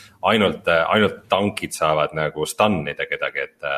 et kellelgi teisel ei ole võimet nagu mängijat uimastada või nii-öelda nagu mängust välja lülitada. et noh, ma ei tea, siuksed, siuksed muudatused on kindlasti olulised, aga minule sellise tüübile, kes kunagi nagu lihtsalt niimoodi toredasti seda mängis ammu aega tagasi ja mõtles, et oh, päris vahva mäng. mängis seda teist osa ka, et minu jaoks ikkagi väga palju uut ei olnud. mida ma muidugi pean mainima, oli see, et äh, nüüd äh, eile ja üleeile õhtul, kui ma seda mängida proovisin äh,. ma ikkagi suurem osa ajast oli mäng lihtsalt alt taabitud kuskil järjekorras. ja korduvalt ja korduvalt ja korduvalt siis ka järjekorda algusesse jõudes disconnect'is ja nagu viskas uuesti mängust no. välja eks need ole nagu... launch'i probleemid ikka nagu, et, et see, et seda nüüd väga ei saa nagu ette heita või saab no,? saab ikka, see veits jaburalt oli korraldatud see, et see, et on lihtsalt puhas kuld, on see, et minu äh, Battle.net'i konto, kui ma tahan Overwatchi launch ida, siis küsis mu käest minu telefoninumbrit. Äh, kuigi minu meelest mul on juba nagu see kahefaktoriline autentimine peal ja, ja küsis, et äh, sisesta oma telefoninumber. juhul, kui sa ei ole teinud kahe ta, äh, astmelist autentimist ja siis mul oli valik, kas ma panen selle sinna sisse või ütlen, et ma juba olen seda teinud no see on vist kuidas, ka nende uus. Sorry, aga kuidas on võimalik, et Battle.net ei tea seda, see on see, see on meie oluline turva, turvalukk ees. aga siis, kui sa oled juba, kui sul võti on, siis sa ei pea seda avama see vist on ka see asi, mida nad üritavad teha, et nüüd eh, kõik peavad sisestama oma telefoninumbri, et hoida neid debi debiilikuid eemal. täna oli uudis, et eh, nad ikkagi otsustasid sellest loobuda, sest liiga palju jama või osaliselt loobuda või, või midagi seal oli, igatahes see korralduslik pool nagu mm. väga ei ole säranenud, pluss see, et, et nagu Battle.netis sa oled sisse logitud, sa ei saa seda ju põhimõtteliselt minu teada mängida ilma Battle.netita mm. -hmm. või äkki nüüd on Steamis ka, kusjuures ma ei teagi, nüüd ju hakkavad. võiks ju olla. mängud tulevikus tulema Steam'i ka. igatahes äh, Battle, Battle.netiga nagu login sisse äh,, lähen mängu sisse ja siis mängus sees mäng logib sind vahepeal välja, sest enam mingi teise serveri jama mm.. mis toimub, nagu see, see kõik värk on minu jaoks ikkagi täiesti, täiesti mõistmatu kui, kui ma siin nüüd, ma olen siin taustaks, kui te vaatate seda videoversiooni, siis ma olen taustaks siin pannud, äh, panin meie enda tehtud äh, Overwatchi ühe video ja siis ma olen siin pannud ka Overwatch kahe videosid. Ma ütlen, et mulle kuidagi see Overwatch ühe nagu stiil meeldib rohkem, mis on, äh, ma ei tea, mis aastal see välja tuli nagu, et see kaks on kuidagi siuksem pehmem, aga samas ka nagu igavam või kuidagi sihuke mm,, mulle üldiselt nagu need multikastiilis mängud meeldivad ja seda heideti esimesele Overwatchile ka nagu väga ette, et oo, et mis see on, noh nüüd tänaseks päevaks see on juba nii tavaline, et, et, et see ei ole nagu mingi uudis. aga kuidagi see üks nagu näeb nagu justkui parem välja kui see kaks või ma ei tea, on asi minus ainult või? Ma, minu meelest nad on täpselt samasugused, ma ei, ma ei kujuta ette, kui hero'd on samad ja levelid on sama, et mille põhjal sa oma oletuse teed? ei, ma lihtsalt, seal on midagi on visuaalselt, midagi on nagu muutunud selles, ma ei tea, kas valguses või, või selles äh, nendes shader ites või mingisuguses asjas nagu, et mis on, mis on muutunud nagu selles mõttes. et see mingi üldine nagu see renderdusstiil võib-olla nagu on, on midagi, midagi on nagu teistmoodi, kui ma siin vaatan järjest. et äh, aga noh, võib-olla see on, võib-olla see on mingi, mingi minu asi aga Rein, ma saan aru, et sa ei, sa ei saa siis tegelikult sellist äh, ei või jah soovitust nüüd tegelikult anda, sellepärast et osta seda ei, ei saa ja no peale saab, selle, et saab. Äh, kui sa Overwatchi mängid, siis äh, vot no jah, igasugust jura saad ikka osta aga.... ei, aga sa saad vist, äh, kui sa ei taha lahti lukustada, kui sa tahad neid kõiki neid heroes eid lahti lukustada, siis sa pead mängima vist, mis see oli, kas see oli mingi umbes sada raundi või? No asi. aga, aga, aga, aga sa, aga sa võid, no iga round on ikkagi mingi kümme-viisteist mintsa see on väike asi. aga, aga sa võid ka nelikümmend eurot. siis see on väike asi. sa võid ka nelikümmend eurot maksta selle eest, kui sa tahad ei no selles mõttes, et äh, kui sa tahad nagu. kui sulle see mäng meeldib, siis. kui sa, kui sa tahad competitively mängida Overwatch kahte ja sa ei ole mänginud äh, Overwatchi ühte, siis. No jaa. võid grind ida ka, ma ei tea, ma ei näe, ma ei näe selles nagu liiga suurt probleemi, ta võib-olla võiks olla vist nõks kiirem, aga. aga selles mõttes nagu hullu ei ole. ütleme nii, et äh, kui see ongi nagu, et kui sulle Overwatch üks meeldis või sulle Overwatchi idee meeldis, siis nagu mis on viga seda proovida, sest mm -hmm. ei mhm. maksa midagi aga äh, nagu arvata, et midagi väga uut või teistmoodi või värsket seal on. see no, on et... Järg, mis oleks pidanud olema patch jah, et see, et selles suhtes, et sul ei ole võimalust isegi minna Overwatchi ühte proovida, sest et seda nüüd enam ei ole, et see on kõik läinud. just. et äh, nagu keegi meil chat'is ütles, et lihtsalt Overwatch üks, kui sul oli see installitud, siis see muutus lihtsalt Overwatch kaheks ja oli kogu lugu okei okay,, aga ma natuke kurb kuulda, et ma lootsin, et, et ikkagi mingisugune üllatus ja mingisugune suurem muutus nagu seal on, aga vist, vist pigem ei ole. aga Martin, kuidas sul Domekeeperis läheb? Kuule, ma olen paar korda olen seal selle väikse kaardi läbi teinud, ega ma tegelikult äh, rohkem teinud ei ole, see on siis see mäng, millest ma eelmine saade kiirelt rääkisin, see on see, kus sa mm, Äh, kaitsed enda kuplit äh, tulnukate lainete eest ja sel hetkel, kui need lained sind ei ründa, siis kaevandad maalt endale ressursse. ja sa pead optimeerima aega, neid ressursse erinevatesse uuendustesse. ja, ja nii ta nagu käib. ta on, ta on vist ikka hea, ta on vist ikka hea ja, no mina olen seda mänginud palju ja mm,? mulle üldjoontes see nagu loop väga meeldib. Äh, et sa nagu päeval kaevandad ja öösel kaitsed. Äh, et see on, see on lõbus, ta on äh, sihuke tal on see hea rogu-like'i see, see tunnetus on sees, et nagu kus, kui ei tule välja, siis okei okay,, ma proovin ühe korra veel. See, see, see, see konkreetne run oligi nagu minu vastu mul spoonisid valed asjad ja kristallid spoonisid liiga sügavale, ma ei saanud neid piisavalt kiiresti alguses kätte, sellepärast läks kõik metsa. ja siis proovid uuesti ja, ja siis läheb uuesti metsa.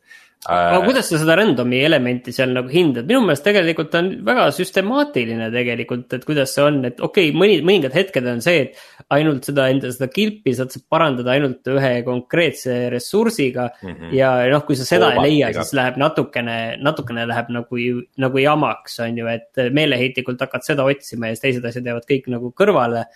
et, et see nagu on, aga noh, samas kui sa süstemaatiliselt kaevad, sest enamasti sa pead süstemaatiliselt kaevama, kui sul ei ole seda pulssi, mis näitab sulle, kus kohal mingid asjad võivad olla, on ju, et mm -hmm. siis sa mhm. pead lihtsalt süstemaatiliselt kaevama. ja isegi kui sul on see pulss, siis see pulss ei näita neid reliikviaid mida sul on vaja, et saada mingeid ägedaid lisavõimeid oma, oma kuplile.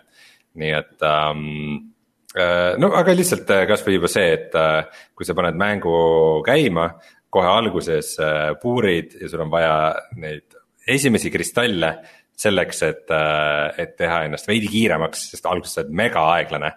ja, ja siis, kui sul sellest esimesest kristallipesast või maardlast tuleb kolm tükki neid ja sul on nelja vaja, siis on sihuke ja see on. juba on, on kõik tuksis, juba see, ma kaotan mingeid väärtuslikke minuteid. see on ka random'iga, tegelikult mulle meeldib see, et eh, kogu selle nii-öelda ui elemendid sa pead ka lahti lukustama tegelikult ja see on su enda valik on ju tegelikult, sest seesama see asi, mis näitab sulle, et kui kiiresti, millal tuleb järgmine laine, tegelikult sa seda alguses ei näe.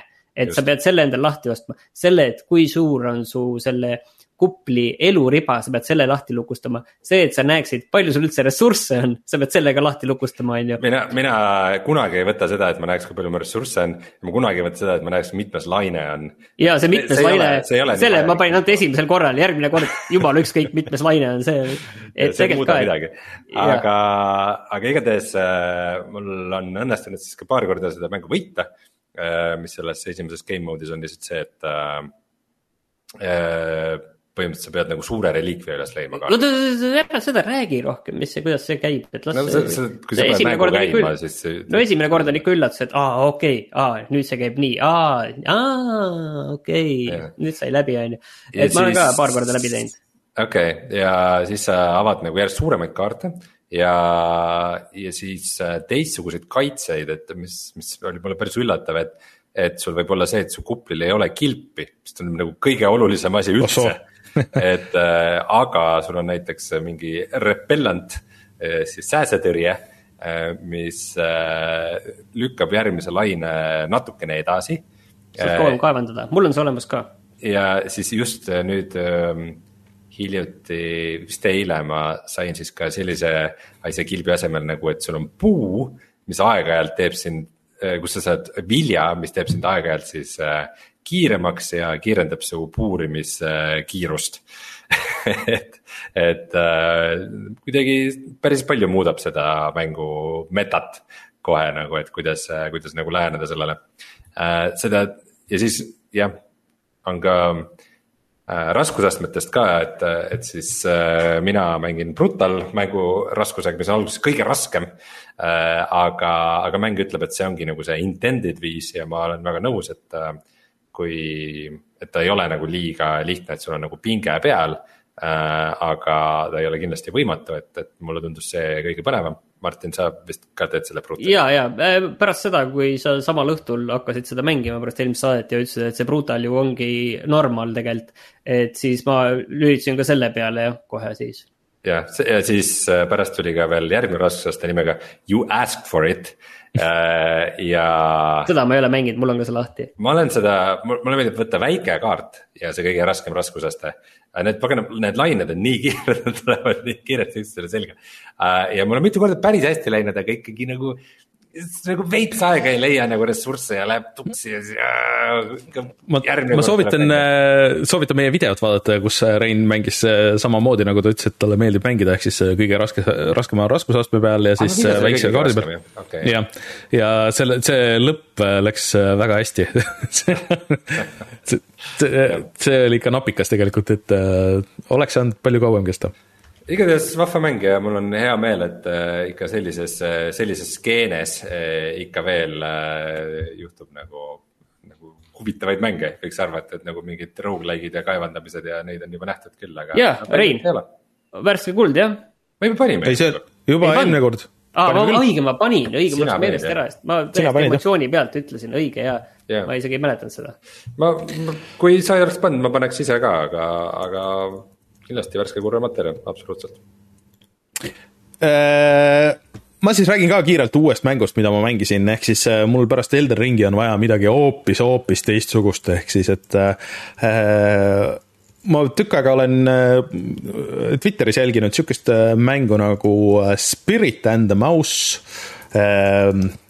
ja see on nüüd väljas ja on väljas nii arvutile kui, kui ka Switch'ile, maksab vist, ma ei tea, mingi kuusteist või seitseteist eurot.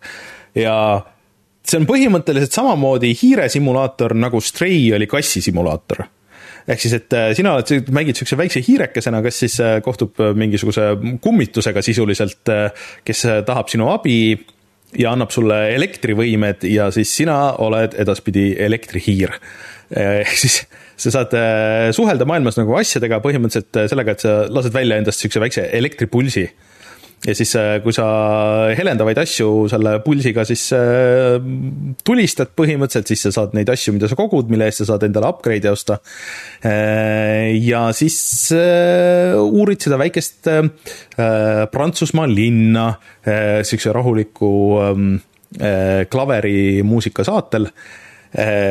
ja see gameplay on nagu selles mõttes huvitav, et et sa teed ainult head, ehk siis, et seal nagu linnas on eri, elanikel on erinevaid probleeme ja siis sa üritad lahendada neid probleeme oma võimetega. et siin üks kohe alguses üks vanahärra, ta tahab tahab telekast vaadata uue Seebi hooaja esimest osa, aga näed, antenn läks paigast ära ja siis, siis sa pead aitama, et see antenn paika saada ja siis, siis ta on hästi rõõmus ja siis sa saad põhimõtteliselt no, heaolupunkte ja heaolupunktid sa viid tagasi sellele kummitusele, kes äh, saab sellest nagu järjest tugevamaks ja lõpuks äh, siis äh, saab ilmselt vabaks sellest. et aga üllatavalt hästi tehtud, et on sihuke 3D graafikaga, isegi ei ole nagu väga multikalik, sihuke väga tuus ja sihuke vahelduseks sihuke hea, rahulik, sihuke mõnus, sihuke pigem nagu platvormikas, sihuke natuke seda kogumist, ta vist ei ole väga pikk ka, ta mingi kolm-neli tundi või midagi sihukest, et äh, päris hästi kirjutatud, siit paistab ka nagu välja, et tegemist ei ole kindlasti ameeriklastega, et vist ongi prantslased, kui ma õigesti aru sain. et äh, mulle siiamaani meeldib. Disco Elysiumi probleem, vihkame Ameerika kirjutajaid ei, lihtsalt see kuidagi nagu paistab nagu läbi sellest, sellest stiilist nagu, et, et ameeriklased lihtsalt ei kirjuta nagu neid asju niimoodi, et et sul ei ole siukses väikses mängus ka seda, et, et see härra on, on baaris ja joob veini ja lihtsalt ja tahaks vaadata seepi nagu, et üldiselt ei, ei kipu olema siukseid tüüpe. Aga ma soovitan proovida, see on täitsa väärt seda, noh muidugi arvuti peal ta jookseb mul nagu eriti hästi, ma arvan, et Switch'il ka, et et äh, võib-olla lastega mängimiseks on liiga palju lugemist, aga kes tahaks niisugust rahulikku platvormikat, kus ei pea kedagi taga ajama või kedagi tapma, siis, siis see on nagu selles mõttes on, on vahelduseks päris hea. Mul esmapilgul tekkis kohe seos äh, VR-mänguga Moss, kus sa samuti juhid äh, hiirt ja ise oled vaim, aga kui sa räägid sellest lähemalt sellest sisust, siis ma sain aru, et, et, et tegelikult on tegu ikkagi päris erinevate mängudega ei jah, et sa oled, et siin see hiir on ikkagi nagu, ta on nagu ikkagi hiir, et ta ei ole sihuke antromorfne hiir, kes on samas ka rüütel ja nagu Mossis vist on noh et, äh, et sa jooksed neljal käpal ja, ja siis sul on eraldi piuksumise nupp on ka, mida sa saad vajutada, et samamoodi see nagu Strays on see ja, mäugumise nupp. et äh, see teeb ikka õige nagu loomasimulaatori, aga, aga mulle meeldib, et tal on nagu seda, seda kollektsiooni või noh, nagu asjade kogumist on ka nagu piisavas nagu koguses, et, et sa ei pea nagu liiga tuhandet eri asja koguma ja, ja, ja sihukest väikest nagu sihukest pusletamist on ka, et okei okay,, et kuidas ma nagu päriselt nagu sinna saan. et siis pead ikkagi nagu ringi käima seal maailmas ja, ja tutvuma sellega ja siis leidma mingisuguseid shortcut'e ja asju, et kus sa saad oma selles äh, elektrihiire versioonis liikuda, et äh, see on päris kihvt, et ta ei ole mingisugune mingi kõige parem mäng, mis üldse kunagi maailmas on tehtud, aga, aga samas nagu väga kvaliteetne. ma mõistan täiesti, mõistan sind praegu tegelikult täiesti. jah, et sihuke hea chill. jah, et äh, ma ütleks isegi, et ma paneks selle värskesse kulda, et oh. et ta on ikka piisavalt kvaliteetne minu meelest, et, et siia, siia nagu panna vägev. Vampire Survivors läheb välja. aga seni, kuni sa proovid seda siis sinna sisse toksida, siis ja. ma räägin äh, uuest äh, VR-mängust, mida ma mängisin. Äh, nimelt Bone Lab, mis siis tuli eelmisel neljapäeval välja, veidi ootamatult.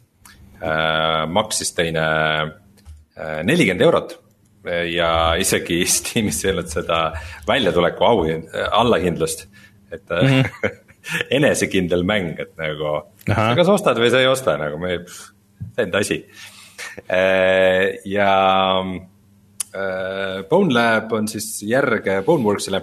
Äh, Boneworks on üks, ähm, üks, üks, võib öelda, et läbi aegade üks tuntumaid ja hinnatumaid VR-mänge.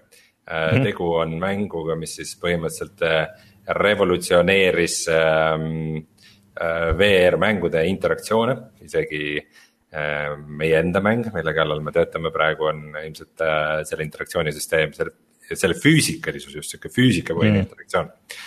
on, on sellest tublisti inspiratsiooni saanud. mida tähendab VR-mängus füüsikapõhine interaktsioon, on siis see, et igal asjal on, on nagu raskus. Nad reageerivad ähm, nii nagu nad reageeriksid päriselt, et, et su. et su enda mängija keha nagu on ka justkui nagu füüsiline keha, mis nagu põrkab kokku asjadega ja nad reageerivad üksteisele ja nagu alluvad füüsikareeglitele, mis teeb kogu mängu palju-palju usutavamaks. ja siis ähm, ma ütleks, et see Boneworks nagu ei olnudki niivõrd nagu mäng, et on küll hästi palju inspireeritud äh, Half-Life'ist ja, ja Portali seeriast ja nagu üldse nagu niisugustest Valve'i asjadest, aga et. ta kuidagi mingis mõttes ongi sihuke, et, et, et sellel mängul on nagu mingid nagu reeglid ja sul on mingi eesmärk ja et see, kuidas sa selleni jõuad, on natuke nagu su enda asi mm.. ja Bone Lab siis selle järjena um,. ma lootsin, et see on võib-olla midagi veidikene nagu fokusseeritumat et nüüd, kui need nagu reeglid on paigas, et nüüd siis saab nagu, nagu seda, seda mängu ka rohkem sinna sisse panna äh,. ja see algas üsna paljutõotavalt põhimõtteliselt põhimõtteliselt äh, Bonelab algab niimoodi, et äh, sa oled äh, äh pimedas äh, ruumis äh, või noh, pimeduses ja sinu ees ripub äh, siis äh, Äh, köie, köis ja selle otsas on sõlm. ja mis sa selle köiega peale hakkad? no paned omale kaela ilmselgelt, eks. Ja siis. ei tuleks selle peale, aga no räägi ja siis äh, järgmine moment sa oled mingisugusel tapalaval ja ümberringi rahvas vaatab ja siis äh, valmistavad sind kuhugi sügavustesse saatma, et okei okay,, see algus juba on nagu intrigeeriv kukud kuhugi auku, siis seal on umbes mingid luukerid ja kollid. Ja siis seal intros nagu sa tutvud sellega, et äh, mäng on äh, nagu füüsiline ja nüüd on palju rohkem lisaks tulirelvadele siis ka füüsilisi relvi, et igasuguseid mõõku ja kirveid ja haamreid ja. aga nagu üsna kiiresti tulevad nagu märgid, et, et see on kõik sihuke simulatsioon, et ähm,, et see ei ole see ei ole tegelikult sihuke nagu mingi keskajaline rollimäng või midagi sihukest. ja siis kui sa siukse suhteliselt lühikese intro läbi teed, siis eh, üllatuslikult satud sa sellisesse sõlmmaailma. ja seal sõlmmaailmas ei ole nagu mitte midagi muud tarka teha, kui sul on mingisugused erinevad challenge'id. et umbes siin on mingisugune lasketiir ja siin on mingi parkuur ja siin on siia tulevad moodid kunagi ja siin on mingi, mingi eriti eksperimentaalne värk ja siis, ja siis. ongi kõik. nagu, nagu natuke ongi kõik jah et siis, siis äh, ma, ma nagu veits uurisin, et mis, mis värk sellega on, et noh, tegin mõned challenge'id ja nii edasi. ja siis kuidagi läbi mingi pusle sa saad sealt kuidagi lõpuks edasi ja siis äh, kampaania veel läheb edasi mingi aeg. aga, aga mitte nagu väga palju, et nagu, et et suur osa mängust ongi sihuke, et noh, et vaata ise, et mis sind huvitab ja tee seda ja millalgi tulevad okay. nagu, millalgi tulevad modid ja värgid ka, et veel ei ole, aga nagu hiljem tulevad. ja ma olin nagu natukene nagu üllatunud sellest, et, et, et see niimoodi on. et mitte öelda, et ma olin nagu suhteliselt pettunud et ähm, Bone ja Bone Labsis on nagu veidi sellised mängud, et mulle tundub, et neid nagu teha kohati oli arendajatel lõbusam, kui neid nagu mängida on mängijana, et seal on nagu ikkagi täiesti mingeid hulle hetki ja momente ja et, et umbes, et noh, lihtsalt, et paar näidet tuua, et, et mm, seal on mingid headcrab'i moodi vastased, siuksed väiksed robotid, kes on põhimõtteliselt nagu jalgadega VR headset'id ja nad hüppavad sulle pähe kinni ja siis äh, üritavad sulle näidata teist reaalsust äh,. et siis, et need paneelid, mis nagu sul silme ette tulevad, seal on nagu mingi hoopis teine koht kui see, mis sa, kus sa oled ja see nagu VR-is on sihuke. What the hell, et ma olen nagu korraga kahes maailmas ja ma üritan selle tüüpi oma peast ära saada, et, et äh, või siis näiteks, et sul on siuksed nagu humanoidvastased äh,, kes, kes siis tulevad sulle vastu näiteks mingil sõitval trepil ja siis äh, umbes lööd neid oimetuks mingi, mingi tömbirelvaga, sest nad samal ajal rääktolivad ja ukerdavad seal, seal nagu sõitval trepil umbes, et ürit-, üritavad sealt nagu üles sõitvast trepist alla tulla sulle vastu ja siis ukerdavad seal ja siis. ja siis nagu nügid neid eemal ja samal ajal nad võitlevad sinuga ja siuksed asjad, mis, mis on nagu väga ambitsioonikad ja asjad, mida nagu teistes mängudes ei juhtu aga samas seda nagu, seda nagu mängu ja struktuuri seal nagu kuidagi ei ole. kuigi väidetavalt story on, et kes viitsib uurida, siis see pidi mingi hullult hea ja deep story taga olema, nagu okei okay,. ma usun teid, aga ma ei viitsi seda ise sealt avastada, et äh, ma ei tea. kas, kas ma sain aru, et, ma sain aru, et ei siis igal juhul. no äh, muidugi suur asi selle Bone Labi juures on see, et Bone Lab tuli välja siis ka Oculus Quest kahe peale, mida esimene Boneworks on ainult PC peal varem olnud. Et äh, ja see on juba seal osutunud väga-väga edukaks, sest et vanem Boneworksi ei saanud mängida. Äh,. nii et ma paneks siis äh, Bone Labi kategooriasse update. Poleks pidanud olema järg, et mul on nagu sellest neljakümnest eurost küll natukene kahju no äkki sihuke tuleviku perspektiiviga asi pigem, et ma saan aru, et see osadele just meeldibki muidugi, et sul ei ole mingit story't, sa saad ise lollitada ja teha mingeid asju nagu nii palju kui võimalik ja sihuke sandbox nagu rohkem, et sihuke carry's mode vibe või? veidikene jah, ma arvan, et see, see taotlus on olnud, aga mina kuidagi nagu otsin mängudes ikkagi kuidagi midagi, midagi teistsugust või ma, ma tahan, et mind ikkagi õrnalt mingi lugu võtaks käe kõrvale ja ütleks mm., lähme nüüd. sa oled lihtsalt vana, sa ei saa aru enam ei tea, ma olen alati äh, otsinud struktuuri, et me alati need mängud, mis ütlevad, et äh, miks ma kunagi pole väga palju Minecrafti mänginud või mm. neid asju, et need äh, make your own fun asjad kuidagi varem või hiljem nagu ma kaotan huvi. no see natuke on see ka, miks sulle võib-olla Elden Ring ei klikkinud, vaata, see on ka ikka päris palju nagu see. Elden Ring on põhimõtteliselt Minecrafti stiilis mäng jah? jah. jah, et, et sihuke liigne sihitus võib-olla tõesti, et mm et mulle meeldib, kui mul on nagu mingi arv valikuid, aga kui kogu mäng on minu auster, siis, siis mulle tegelikult ausalt ei maitse. Kuule, aga sa mängisid seda Half, äh, Half-Life kahe VR moodi ka? mis on nagu väga huvitav kontrast, et äh, ma üldiselt olen väga negatiivselt meelestatud äh, selles osas, kui tavamängud pannakse VR-i. Ja Half-Life kaks tundub eriti halb valik selles mõttes, et Half-Life Alyx, mida peetakse üheks äh, parimaks äh, VR-mänguks, eriti nagu tehnilise äh, ja audiovisuaalse teostuse poolest. põhimõtteliselt ju saigi alguse nagu Half-Life kahe VR mood, mis siis ähm, tegijad proovisid, et oh, mis juhtuks, kui me paneks Half-Life kahe VR-i ja oh, cool, et aga teeme selle nüüd heaks mänguks. ja siis nad tegid Half-Life Alyxi ähm, nii et ma lähenesin väga skeptiliselt Half-Life kahe VR moodile ja ma olen äärmiselt üllatunud, kui lõbus see on. Äh, sest et see on tõesti Half-Life kaks VR-is on, on palju-palju vahvam, kui ma oleksin arvata, et arvanud, et ähm, see füüsika seal no nagu, mis noh, ei ole muidugi nii hea kui kuskil Boneworksis või Half-Life Alyxis äh,. ikkagi töötab nagu väga vahvasti, et lööd kangiga mingit kaste puruks ja äh, nagu saad asju nagu üksteise otsa panna ja ronid kusagilt üle.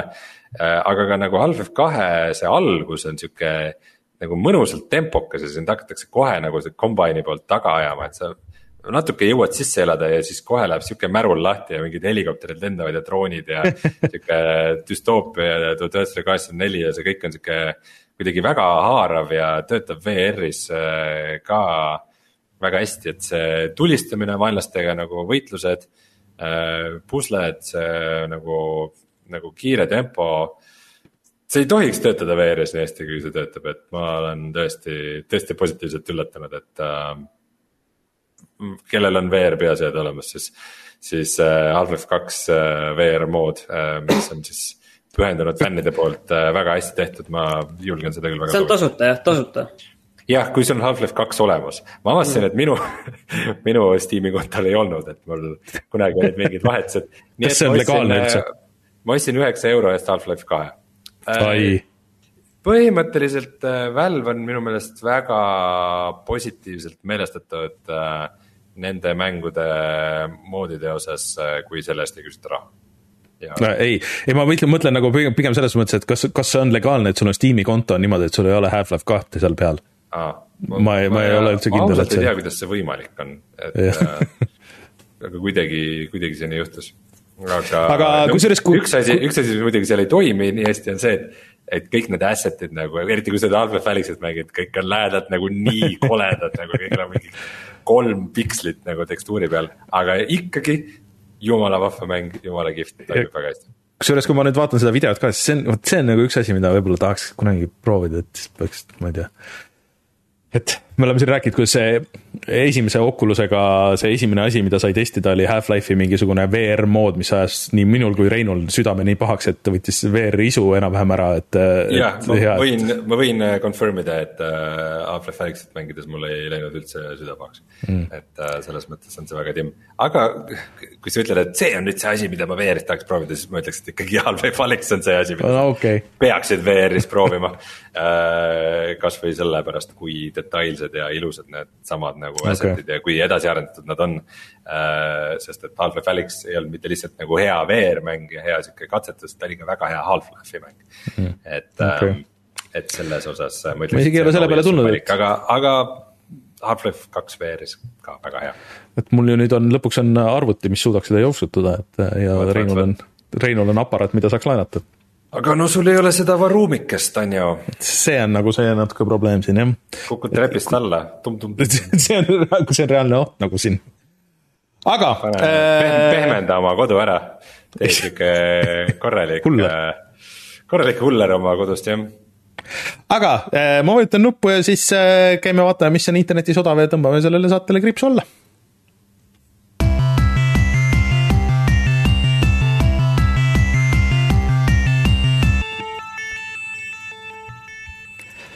mis meil siis see nädal odav on? Äh, mina nägin, et äh, Baldur's Gate'i mängud olid kõik seal äh, Humble Bundle'is ühes bundle'is koos ja saad neid osta ja oh,. Oh. see on tõesti üheksa mängu kahekümne, kahekümne euroga äh, siia seal ei, sa võid panna see... ah,, ühe euroga saad mingid, üheksa yeah. euroga saad kaheksa tükki ja kahe, üheksateistkümnega said vist üheksa tükki. ja kolmekümne viiega, ma ei tea, midagi vist tuli siia veel juurde, ühesõnaga jah, saab ise kokku panna bundle'i. kahe, kahe, kahekümnest sa, see lõpeb ära, edasi on lihtsalt saad toetada seda asju, aga, aga see Baldur's Gate kolme siin ma vaatan, et ei ole, et kas. seda ei ole jah kas äh, seda vist arendatakse ikka edasi, Rein, sina seda mängisid, et kas selle äh, oled sa vaadanud ka? ta on vist ikka early access'is jah mm., millalgi vist kuulutati okay. mingi kuupäev välja, aga ma ei mäleta, millal see oli ähm,. aga ma mõtlen, et ma selle Humble'i bundle'i vist võtaks küll, et mul isegi vist tiimis ei ole neid vanu Baldureid. vot äh, siin äh, leveli äh, seal Discordis äh, on nüüd eraldi Steam Decki osa ja siis, kus kaaluti seda, et oo, et see nüüd on hea võimalus Steam Decki peal kõiki neid mänge mängida, et. aga, aga ma tõmban nüüd veel, vot no Rein, ütle ma ei, selle osas ei ole kindel, kas see on hea mõte, sest et äh, need olid ikkagi ju hiirega mängimise no. mängud, et äh, iseasi. Need enhanced versioonid toetasid. touchscreen ka jah?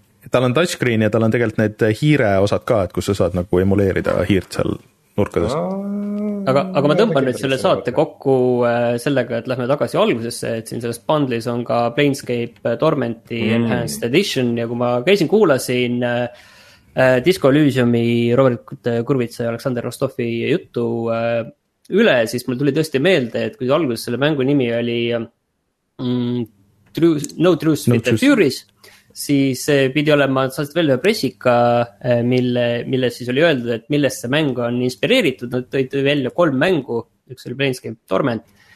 Teine oli Kentucky Road Zero ja kolmas oli Call of Duty Infinite Warfare. kui ma küsisin selle peale, et eh, okei okay,, ma nüüd kahest esimesest saan aru, aga miks siis eh, Call of Duty Infinite Warfare, siis Robert Kurvits vastas meile, et neid inspireerib see, palju see on raha teeninud no see oli päris hea inspiratsioon. kõik, kõik äh, need asjad nüüd tulevad aastaid hiljem tulevad äh, hammustele.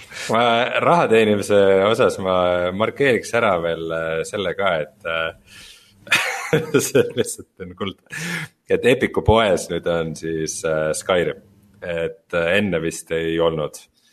et sest, et seal on taga on kiri available now, nii et kes tahab kas see on see uus? mängida Äh, siis jah, see uus Skyrim Äh, siis see maksab ainult viiskümmend eurot. aga see on palju odavam, kui ta oli äh, selle Nintendo Switchi peal, kus ta maksis vist, kas seitsekümmend eurot? ta on vist äh, ja seitsekümmend eurot vist on teiste konsoolide peal ka see nii-öelda anniversary edition. ma ei tea, mis seal uut on, aga selles mõttes, et jah. ja üks asi, üks asi, mis ma veel lähen Epiku poes osta vaatama, see jäi meil uudistest välja, aga äh, Far Cry kuuest saab siis osta Game of the Year edition'it.